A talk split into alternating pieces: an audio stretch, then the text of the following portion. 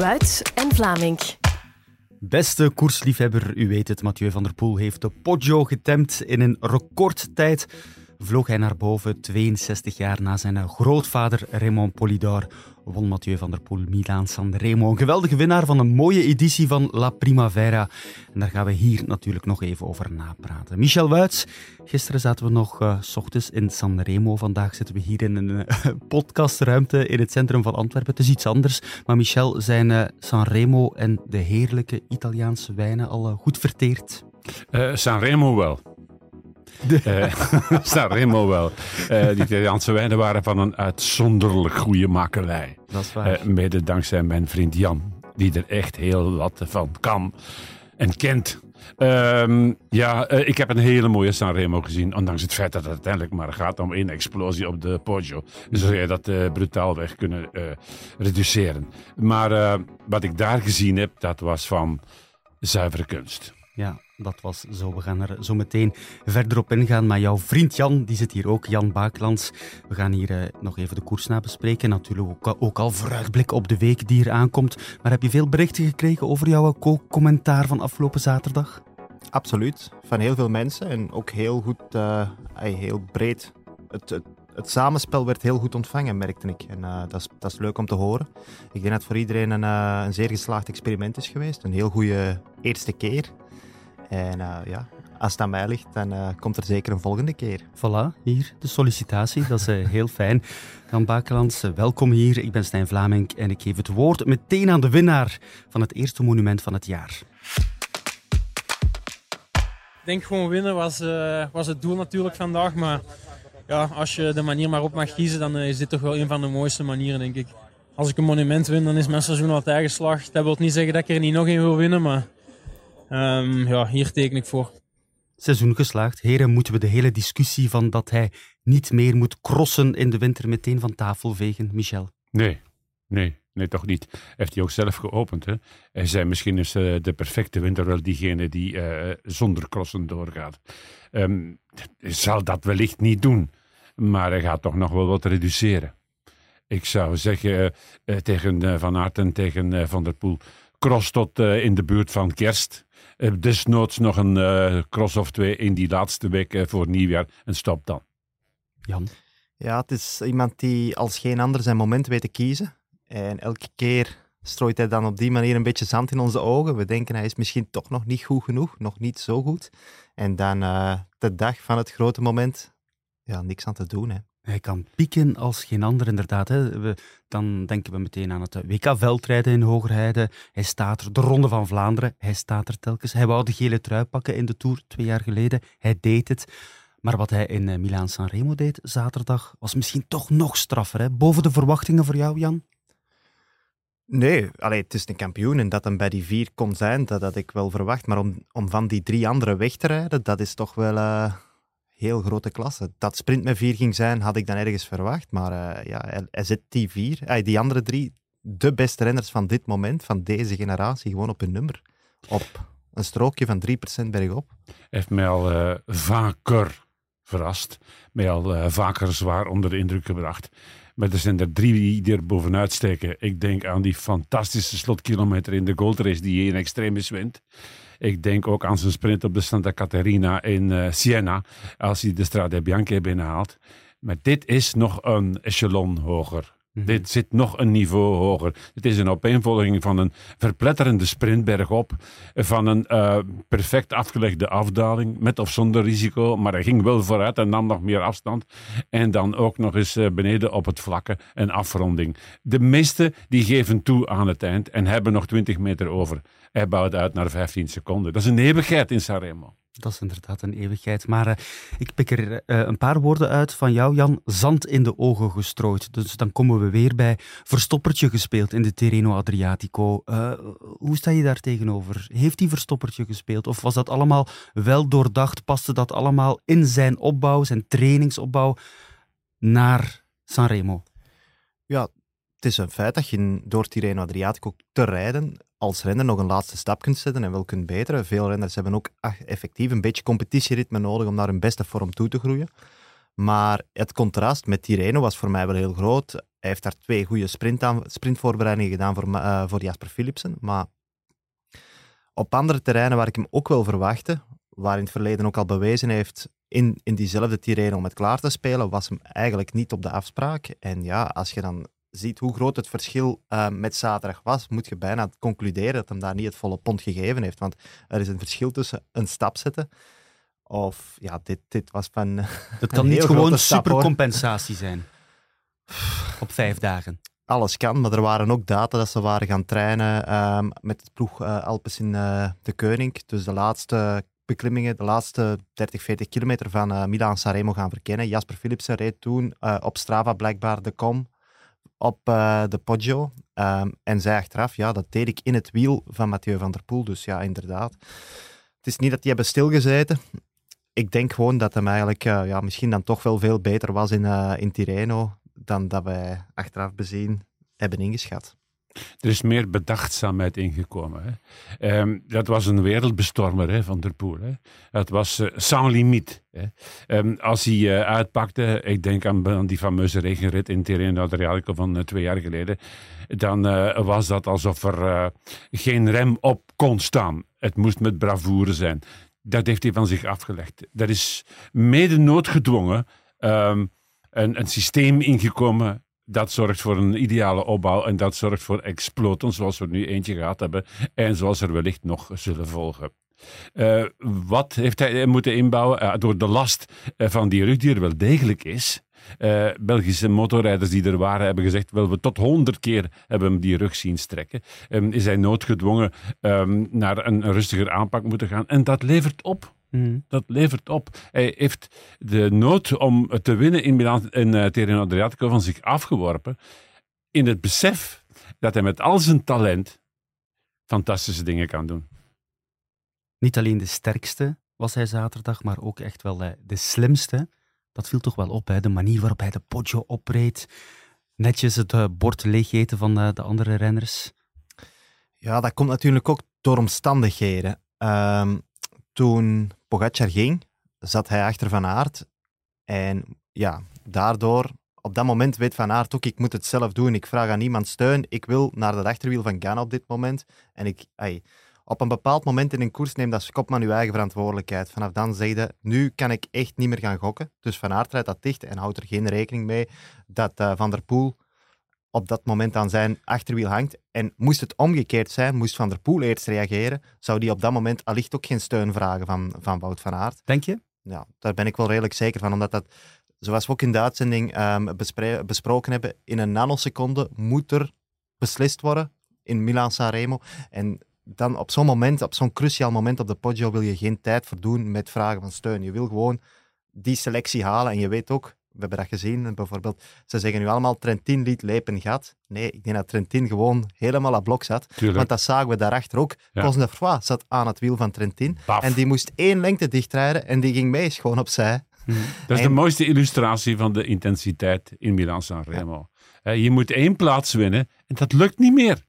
En dat is ook de mooiste illustratie van hoe lang hoe renners even boven hun limiet kunnen rijden zolang het in de koord is, uit het, uh, in het zog van hun voorganger. Maar hoe moeilijk dat ineens wordt als dat zog openkomt en ze moeten zelf even in de wind rijden. Maar we kunnen er niet omheen, Michel. Wout van Aert en niet Van der Poel heeft twee keer een gat moeten dichten. Ja. En Van der Poel niet. Nee, nee maar dat heeft natuurlijk vooral te maken met het, met het feit dat Van Aert daar al dik zat.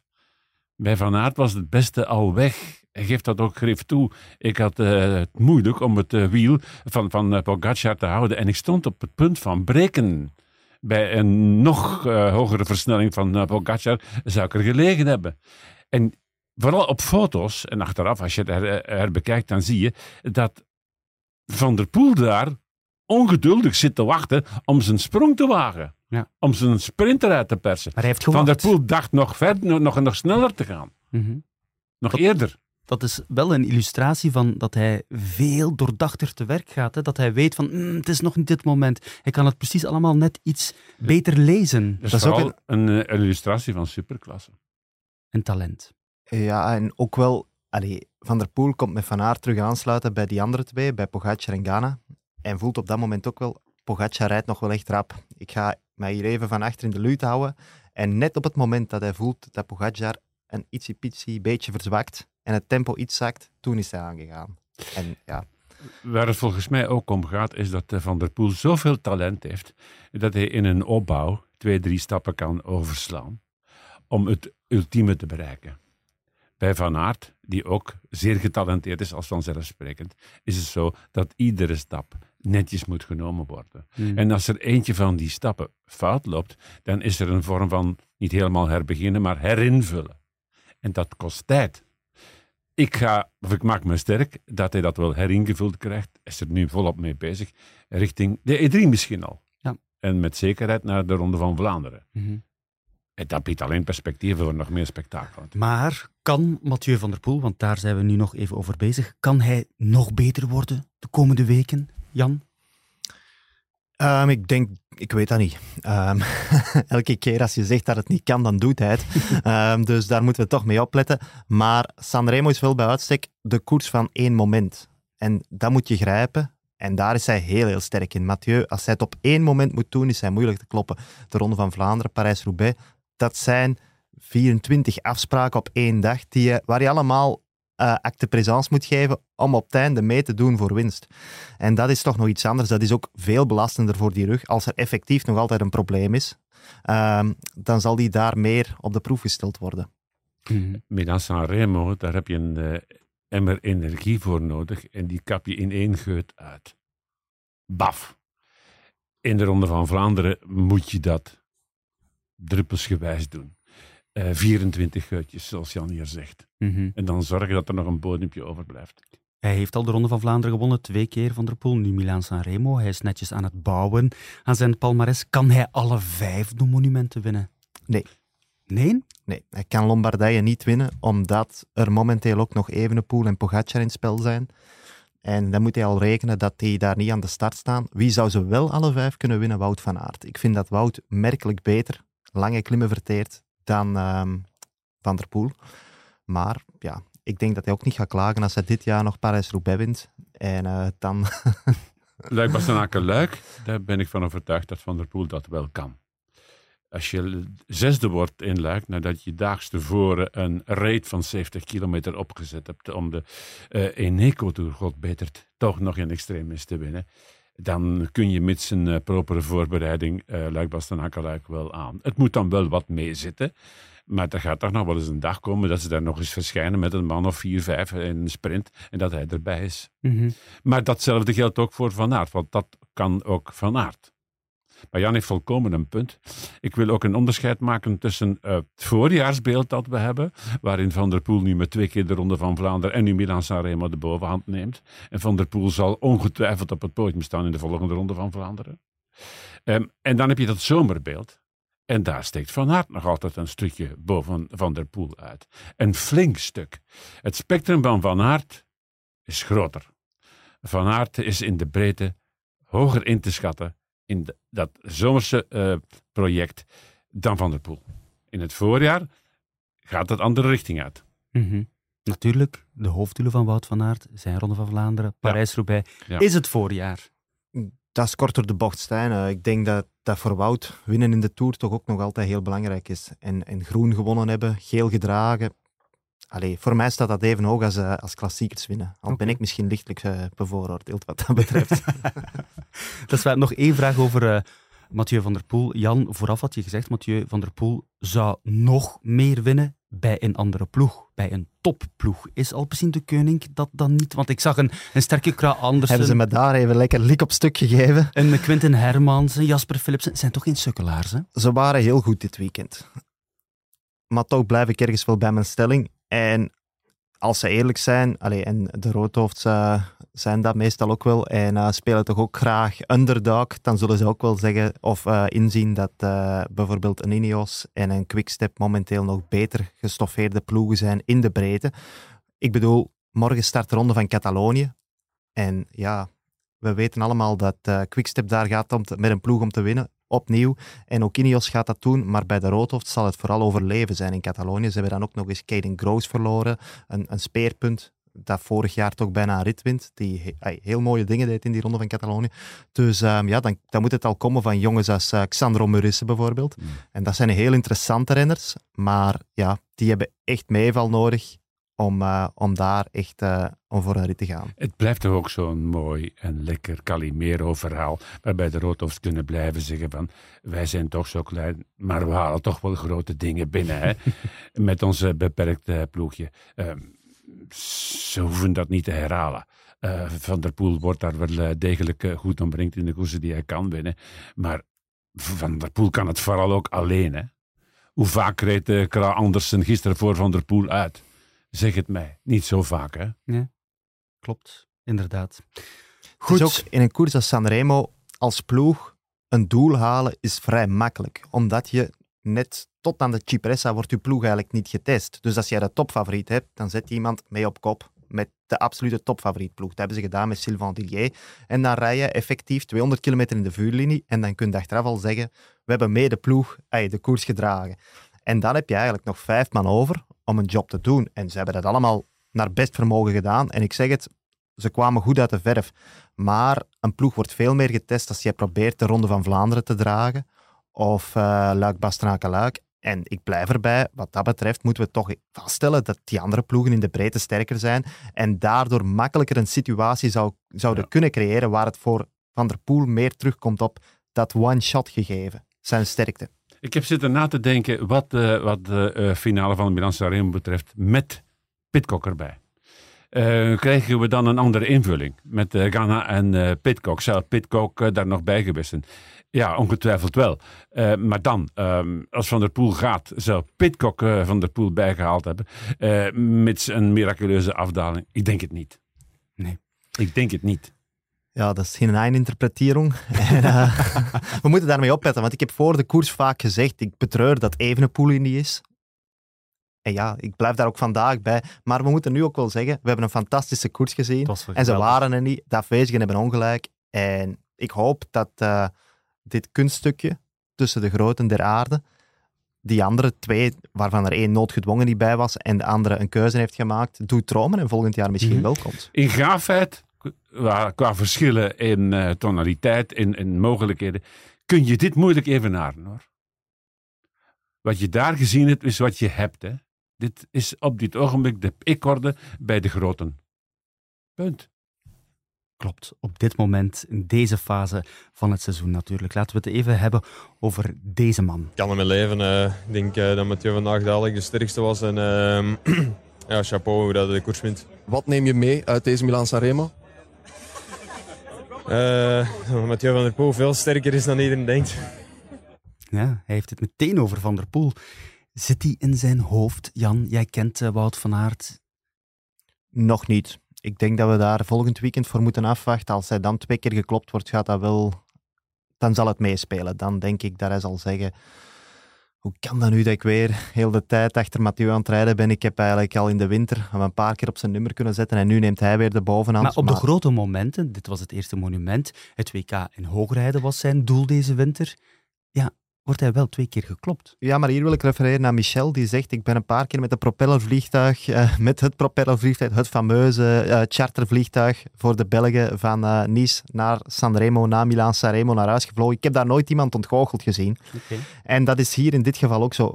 Milaan Sanremo is voor alle renners bonus. Als je het wint, zit je al op roze nog voor het voorjaar begonnen is. Win je het niet, maar je geeft blijk van goede vorm, dan zeg je, ja, mijn conditie is toch goed, ik kan er tegen, ik heb winstkansen in wat er nu komt in voor mij het hoofdgerecht.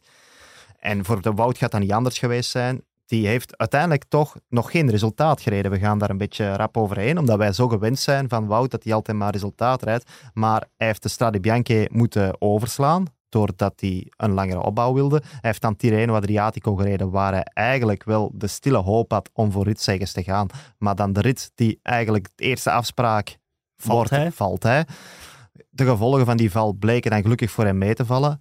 Maar doordat Wildko Kelderman dan valt, verandert de, de, tactiek ook in de muurtjesrit. En moet hij daar uh, weer maar eens Roglic gaan bijstaan, waardoor hij daar ook geen echt groot resultaat gaan, kan rijden.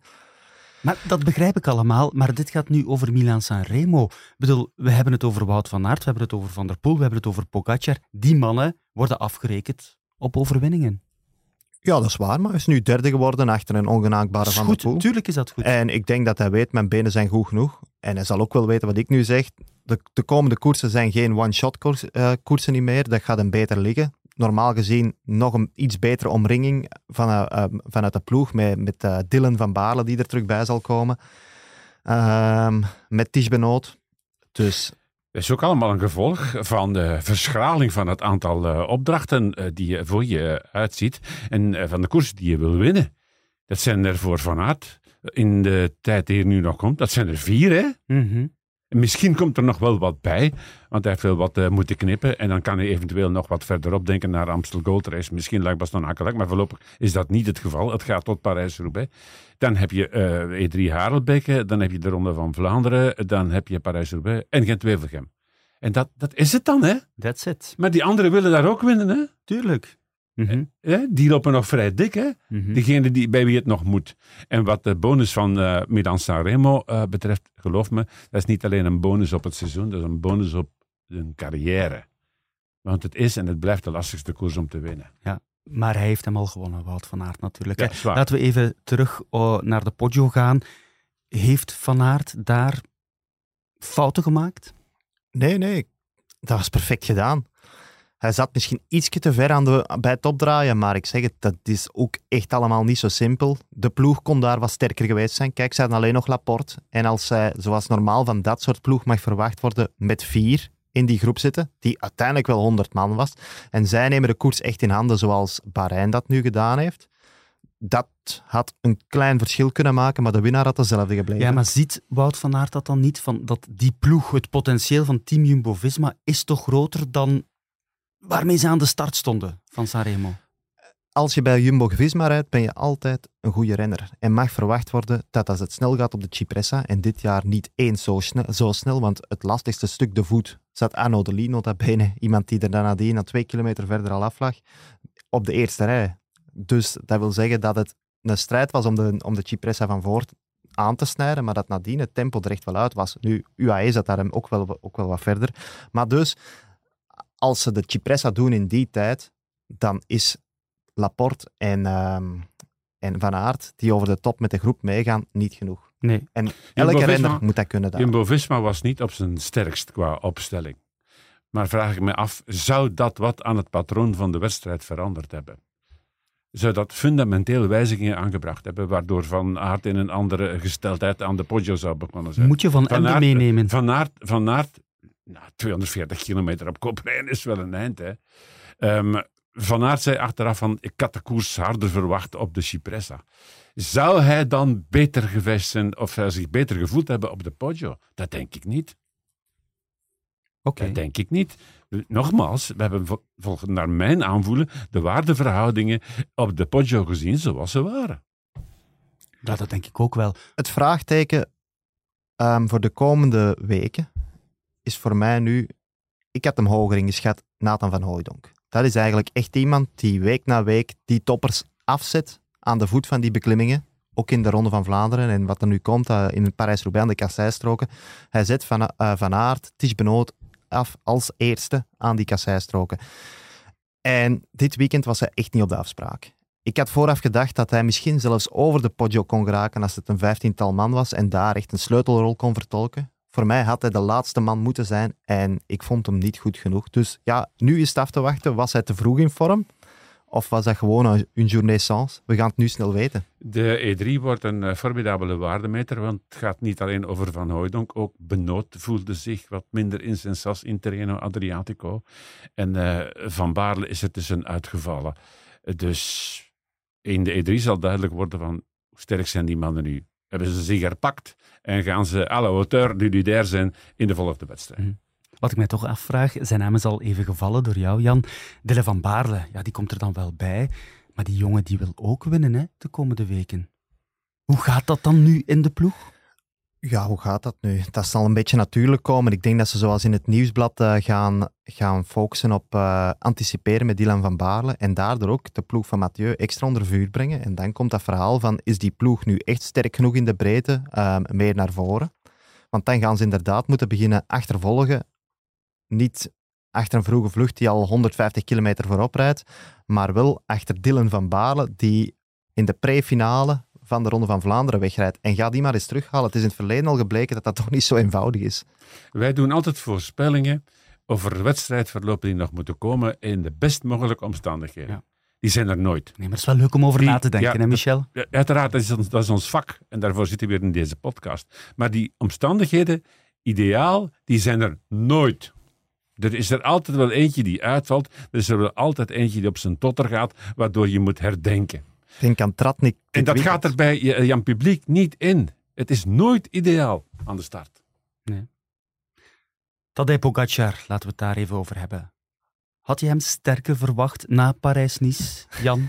nee, maar dat is echt een misvatting dat hij niet goed was. Hè. Uiteindelijk, het zou heel interessant zijn als we de Poggio onderverdelen in percentages, een relatieve inschatting van de lengte van de Poggio en kijken welk deel van de Poggio Pogacar als eerste van het peloton rijdt en dus de wind breekt. Dat kan bijna 50% zijn. Daar, daarvoor heeft de ploeg Bahrein dat gedaan, pakt dat die 30% doen. Pogacar rijdt 40% daarvan van de, van de rest van de Poggio in de wind. Ploeg, uh, de ploeg Bahrein die, die, verdeelde nog eens onder tussen Pasqualon, Peyo Bilbao en ja, toen nam Pogacar met Welles over. Die nam ook nog een heel stuk van de Poggio voor zijn rekening. Dus een enorm stuk van de Poggio produceert die een hogere power output dan zijn collega's die in het wiel aan die snelheden, dat mag zo, ja, het is een beetje technisch, maar die 30, 40 watt um, uitsparen op dat moment. En ja, als je dan op het laatste vals platte stuk uitloper ja, op zo'n counter botst, dan betaal je dat. Dan betaal je dat cash. Eigenlijk was het op dat moment aan Ghana om te reageren. Maar het zegt al genoeg, die zat volledig over zijn limiet in het wiel van Pogacar te spartelen. Ik denk dat als je vandaag aan elk van die vier vraagt die daar van voor uiteindelijk uh, voor de knikkers hebben gestreden, was Pogacar slecht, dat die allemaal zeggen, zeg, wat verwachten jullie eigenlijk? De Poggio, dat is geen klim. De Poggio, dat is een, een verheven sprint. Je doet dat met een uh, gemiddelde van uh, 38. Het zal nu tegen de 39 aan zijn met dat nieuwe record. Ik heb ergens een statistiek gezien, denk ik, dat de laatste kilometer 43 gemiddeld maar kijk, kijk, dat is een sprint. Hoe ga je daar dan van wegrijden? Hè? Lukt niet. Hè? Dan moeten al die anderen veel minder zijn, om niet te zeggen slecht. En er zijn er toch wel een paar, een stuk of drie, vier uh, op te noemen, ook bij de grotten, waarvan je kunt zeggen, die zijn sneller dan Pogacar. Wat hij ook doet. is bewezen. Mm -hmm.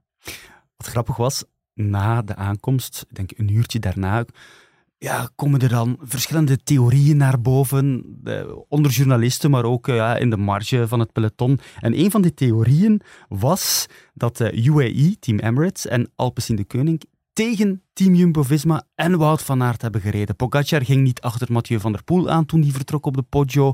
Een beslissend moment. En diezelfde theorie gaat verder. In de Ronde van Vlaanderen zullen we dit opnieuw zien, maar dan wel omgekeerd met Pogacar als winnaar. Ja, op, Jij moet daarmee lachen, hè Jan? Eh, op, op, op eh, die manier creëert, uh, want het komt uit Nederlandse hoek, ja. blijft Nederland problemen creëren en dingen zien die ik niet gezien heb.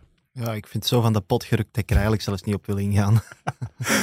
Oké, maar wat we nu gezien hebben, is dat een voorbode voor wat nog komt? Of is Sanremo een zodanig specifieke wedstrijd met één echt splijtende explosie? Ja waardoor het zou kunnen dat Mathieu van der Poel de komende weken ja, minder zal zijn?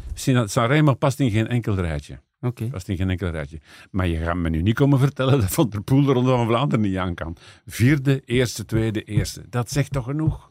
Dat zegt toch genoeg. Van der Poel um, gaat mee met de eersten over de Koppenberg gaan. En dan is het vaak al ieder voor zich. Mm Heb jij iemand, is jou iemand opgevallen, los van die groten die we hier nu al besproken hebben, waarvan je denkt van, eigenlijk, die was wel echt heel goed? Nee, specifiek opgevallen niet. Um, dit is een koers waarbij je nogmaals niet echt getest wordt tot het moment van de ware taris. En dan is het vaak een, een, een, tussen nog kunnen of het ja, misschien een beetje leeg zitten. Daarvoor heb ik veel renners door het beeld zien schuiven die toch wel heel goed hun werk deden voor hun kopman. Ik vond dat bijvoorbeeld Aimé de Gent daar uh, de, de Intermarché-jongens uh, goed afzetten. Um, Bahrein, Merida, toch altijd een ploeg die een beetje onderschat wordt in, de in het Vlaamse werk, maar die daar toch ook weer zat met, met, met veel jongens op, het, op een beslissend moment. Ja, Moritz is duidelijk goed. Daarachter Søren Krui Andersen, die Pedersen toch nog klopt in de sprint voor de vijfde plaats. Ik denk dat we een goed voorjaar, voorjaar tegemoet gaan. Ze zijn eigenlijk allemaal goed. Uh, voor een zieke mens was Laporte beter dan ik dacht. Mm -hmm. Ook. Ja. Maar je had het op voorhand nog gezegd, hè. ziekte kan soms nog goed uitkomen. Ja van pas ja. komen. Okay. Ik had hem zelfs als mijn dark horse genoemd. Mm -hmm. Maar goed, we waren geen uh, zwarte paarden nodig. Nee. Ik zag trouwens nog een uh, interessante statistiek. Wout van Aert reed intussen 14 monumenten in zijn carrière. Hij won er één. Van der Poel reed 12 monumenten al, won er drie. Dat is dus 25 procent, dat is niet slecht. En dan is er ook nog een Remco Evenepoel. Die heeft tot nu toe 29 procent van zijn deelnames aan een monument gewonnen. Maar goed, hij heeft er natuurlijk nog niet zo heel veel gereden. Maar het leek me een uh, perfect bruggetje om het even te hebben over de Ronde van Catalonië en deze jongen. ik wil vooral uh, graag eens uh, een etappe winnen in mijn trui. Dat, zou toch wel, uh, dat is denk ik het grootste doel voor, voor deze week. Om eindelijk eens ja, een foto te kunnen hebben met de armen omhoog in de regenboog. Dat zou een mooie droom zijn. Een mooie droom. Hoe belangrijk is deze Ronde van Catalonië voor Remco Evenepoel? Niet meer of minder belangrijk dan bijvoorbeeld de UAE-tour kunt daar ook geen te grote conclusies uit trekken met toch op de Giro. Ik heb er nog uh, heel goed weten rijden in de ronde van Catalonië. En na de, na de Giro, na een week, uh, al volledig uitgeteld zijn. Dus ja, dat is gewoon een stap in de opbouw. En zoals Remco altijd wel gewoon is geweest van makkelijk te winnen, denk ik dat hij ook nu wel verwacht van minstens iets te winnen. En liefst het klassement, denk ik, als hij dat nog mag kiezen. Maar uh, ja, uiteindelijk is dat een koers op zich. Het is ook te ver van de Giro nog om te zeggen, als je hier heel slecht bent, dat je in de Giro geen rol van betekenis gaat spelen. Want de Giro duurt dan ook weer nog eens drie weken en het is bedoeling dat je dan ook nog eens crescendo gaat. Want het is uh, algemeen geweten dat de laatste week van de Giro toch echt wel iets is om schrik van te hebben. Voor mij is Catalonië het bewijs dat er ook nog eens een B-deel is naast het uh, klassieke voorjaar waar wij met z'n allen verliefd op zijn. Ons voorjaar. Mm -hmm in Catalonië staat die andere helft van het peloton. En die is Jan Dori stevig bezaaid. Ja, ja. Daar zitten wel een aantal kleppers tussen. Hè. En bovendien is dat een parcours om u tegen te zeggen. Dat is nog een stuk lastiger dan de UAE-tour. Uh, de tweede etappe heeft al een aankomst boven. Uh, valt er 2000. Het zegt genoeg. Uh, dan heb je La Molina. Ben ik een paar keer geweest in de Ronde van Spanje. Dat is uh, lastige kost, stijl um, voor explosieve klimmerstypes. dat moet hij allemaal overwinnen. Daar zal hij zijn mandje moeten staan. En dan zal hij toch wel een proef moeten afleggen van kijk, ik ben al ver genoeg. Hè? Um, er is geen tijdrit in, hè? Is geen tijd. Het is uh, heuvel- en bergkost. Ja, elke dag uh, klimmen en toch wel een strijd met Roglic, Bernal, Garen Thomas, Adam Yates, Carapaz. Dat is toch wel interessant. Ja, Carapaz, toch ook uh, Giro-winnaar enkele jaren geleden, 2020. Roglic, ja, de uitdager voor de, voor de Giro. Dus ze gaan aan elkaar snuffelen en de onderlinge verhoudingen al wat aftasten. Maar ja, ik heb veel de Ronde van Catalonië gereden. Ik vond dat een heel goede voorbereiding. Misschien wel beter dan de Ronde van Baskeland voor de Waalse klassiekers. En uh, wat mij daaruit leert zijn dat dat wel calls zijn die Remco e- echt goed liggen. Zelfs La Molina, ik wil dat toch even uh, nuanceren. Ik vond dat geen heel steile call. En bovendien... Explosief. Ja, dat, het zal inderdaad... Maar we hebben daar Evenepoel goede dingen zien in doen laatst, uh, de laatste tijd. Dus dat zijn echt calls waarbij je moet wachten. Ja, je inspanning timen en dan met één streep naar de finish trekken. Dus ja, 500 meter echt all-out. La Molina, dat was een Joaquin Rodriguez call. Waar je met een uh, stevige slotkilometer er alles kunt uh, uit wegpersen. Ja, dat en, is zo. En daar verwachten wij van Evenepoel dat hij daar nog stappen in zet. Dat heeft hij al gedaan voor een goed begrip in de Ronde van Spanje, nadrukkelijk. Maar dat mag, mag nog wat bij. Want dat wordt de grote krachtenmeting ook in de Ronde van Italië, zeker in dat eerste deel. Um, daar heb je ook van die calls. Um, ik denk aan Lago Laceno in de vierde etappe. Dan komt die Roglic tegen. En dan kan het al om bonificaties gaan. Het kan om bonificaties gaan, maar dat wordt gecounterd met zoveel tijdrijden in, uh, in de Ronde van Italië. En zoveel, ja, ze komen ook aan op Monte Bondone bijvoorbeeld, waar dat zijn echt wel calls waar die ervoor zeggen zijn, waar dat ze één per één normaal gezien binnenkomen. Dus ja, ik vind het vooral de grote lakmoesproef voor uh, hoe sterk. Dit is de eerste keer waar dat voor mij wel uh, moet aangetoond worden. Hoe sterk is ehm Soudal Quickstep nu echt?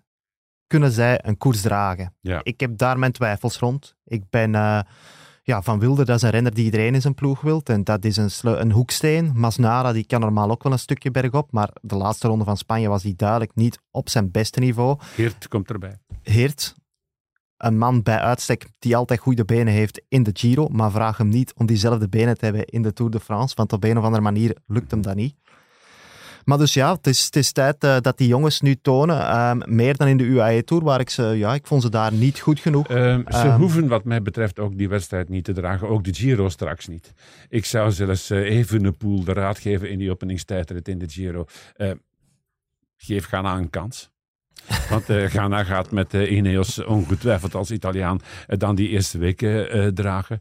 Eh, Jumbo-Visma heeft dat eh, in zijn DNA om een koers te dragen. Want verstop je daar maar lang genoeg achter. Dus eigenlijk onthoud ik, die ronde van Catalonië is niet zozeer een graadmeter voor Remco Evenepoel zelf, maar, wel voor de ploeg. Ja, vind ik wel. Ja, maar voor, voor hemzelf ook. Hij zegt het heel kernachtig. Ik wil eens winnen in die trui. Mhm. Een rit. Ja, maar dan moet je bijvoorbeeld zeggen, dan zou het nu tijd worden. En ik vind dat voor zo'n jonge renner eigenlijk te erg dat ik dit soort trucker moet opleggen. Maar wie gaat het anders doen? Dat bijvoorbeeld Van Wilder op de aankomst van La Molina kan beginnen meneren op eh, anderhalve kilometer van de finish. Evenepoel kan droppen op 600 meter. En dat hij het dan zelf moet doen. En ik wil dus vooral zien dat in La Molina, in, in de laatste drie, vier kilometer, Evenepoel nog mannetjes bij zich heeft. Van Wilder kan dat. Van Wilder kan dat. Zeker Ben ik weten. zeker van. Goed, terug naar Vlaanderen, want we zijn blij dat eh, de koers hier eh, terug bij ons is. Woensdag de Classic eh, Brugge de Pannen, vrijdag E3 Saxo Classic in Harelbeke en dan eh, zondag Gent-Wevelgem. Hoe belangrijk zijn die wedstrijden voor een Wout van Aert met het oog op de Ronde van Vlaanderen, Jan? Ja, dat zijn doelen op zich. Dus ik denk, niet dat, ik denk dat de tijd van voorbereiden nu wel voorbij is. En ja, dat gewoon belangrijk is om zo goed mogelijk te finishen in die koers. En bij voorkeur één van de twee te winnen. Ik heb bijvoorbeeld tijdens uh, Tirreno Adriatico zelden of nooit een referentie gehoord naar Milan Sanremo. Dat zegt toch al genoeg. Um, wat de E3 betreft, die mannen komen daar aan de start met als doel, ik wil de E3 winnen. Hè? Mm -hmm. Ik kom me hier niet voorbereiden voor de Ronde van Vlaanderen. Hooguit zullen ze erbij zeggen van, ja, ik heb mij hier goed getest en het, uh, het zal wel in orde komen voor de ronde. Maar ze willen in de eerste plaats de E3 Adelbeke winnen. Ja, maar speelt dat mee, wetende dat de winnaar van de E3 heel vaak, als je kijkt naar het verleden, heel vaak ook de Ronde van Vlaanderen wint? Ja, zoals het ook uh, meespeelt dat uh, Bonen de E3 Saxo uh, Classic een paar keer uitgeroepen heeft door die vijf keer te winnen als zijn lievelingskoers. Dat speelt allemaal mee. Ik ga hem pikken met een bankenwijsheid. Resultaten uit het verleden geven geen garantie voor de toekomst. dus al win je de E3-prijs, het verleden zegt dan misschien, ja, je gaat de Ronde van Vlaanderen winnen. Sorry, aan de Ronde van Vlaanderen starten ze allemaal met de teller terug op nul. Ja, maar zo werken dus statistieken natuurlijk, hè, Jan? Ik ga, het gaat geen onzin noemen, maar de statistieken bewijzen het. Als Asgreen de Ronde van Vlaanderen won, wie won toen de E3? Uh, klopt, Michel, maar ik wil u ook even mee terugnemen naar vorig jaar. En dan kun je nog een eind verder teruggaan en dan ga je heel vaak vaststellen van, ah ja. Ja, het, van, het Pe DNA, van, het, van Petergem wint de E3, Van Petergem wint de Ronde van Vlaanderen. Museeuw wint de E3, Museeuw wint de Ronde van Vlaanderen. Je gaat versteld staan, Jan. Ja, dat is waar. Maak maar ik kan, even goed, ik kan even goed uh, voorbeelden aanhalen waarbij dat niet het geval was. Vorig jaar wint Van Aert... De uitzonderingen maken de regel. Oké, okay, ja, ik ga hier uh, de strijd staken. Oké, okay, dat is goed. Uh, Gent-Wevelgem, geen Mathieu van der Poel, geen uh, Pogacar, wel Wout van Aert. Zou je dan toch liever de E3 willen winnen, denk je? Ik denk dat iedereen de E3 wil winnen. Um, het is een fantastische koers uh, die zich modern in de markt zet. Die korter is dan de Ronde van Vlaanderen, maar daardoor meer bewogen is, vind ik. Die vroeg losbarst, waar we echt... Ja, het is niet het belang van de Ronde van Vlaanderen nog niet. Dus uh, toppers nemen graag iets meer risico, volgens mij. Ze aanvaarden dat ze eventueel nog op een counter lopen en winnen. En dat kan dan achteraf nog wat gerelativeerd worden. E3 is de Ronde van Vlaanderen waar je een hoek aan ziet. Aan 205, 206 kilometer, daar zie je een hoek aan. Mm -hmm. Maar wel 18 heuvels, hè? Ja, ja. Hallo. Koers. Inderdaad. Uh, wat Gent-Wevelgem betreft, dat zijn er dan uh, 240, 245. Dat heeft uh, meer van het uh, klassieke type. Dat is ook een wedstrijd die al ouder is. Wordt ook graag op de erelijst gezet. Hè. Komt het dichtst bij Milan Sanremo. Van graag toch één keer winnen. Oké. Okay. We zullen wel zien. In elk geval veelbelovend. Zeker na wat we afgelopen weekend hebben gezien. Heren, we zijn rond. Michel, merci. Jan Bakelands, je bent met de fiets naar hier gekomen. Hè? Ja. Nu nog uh, lang terugfietsen? Um, ja, ik ga er nog een, uh, ik ga er een training van maken. Hè. Ik okay. ga er nog een omwegje doen. Ja, die, uh, dat weekend Sanremo ja. um, heeft toch wel voor ja, twee dagen verplichte rust gezorgd en was ook een aanslag op het lichaam. Ja. We, zijn, we zitten hier alle drie toch nog met wat kleine oogjes. Ja, uh, extra calorieën. Die Italiaanse wijnen waren lekker. Maar natuurlijk, het blijft uh, een aanslag op het gestel. het lag niet aan het uurverschil. Nee, dat is waar. Ga je nog gaan fietsen met de Wout van Aert? Ik denk het wel, ja. Normaal hadden we nu afgesproken, maar uh, ik moest hier zijn voor de podcast. Ja, okay, dus een maar... mens moet zijn prioriteiten stellen. Voilà, dat begrijp ik helemaal. Bedankt voor nu. U ook uh, bedankt om te luisteren en heel graag tot volgende week. Wuits en Vlaming.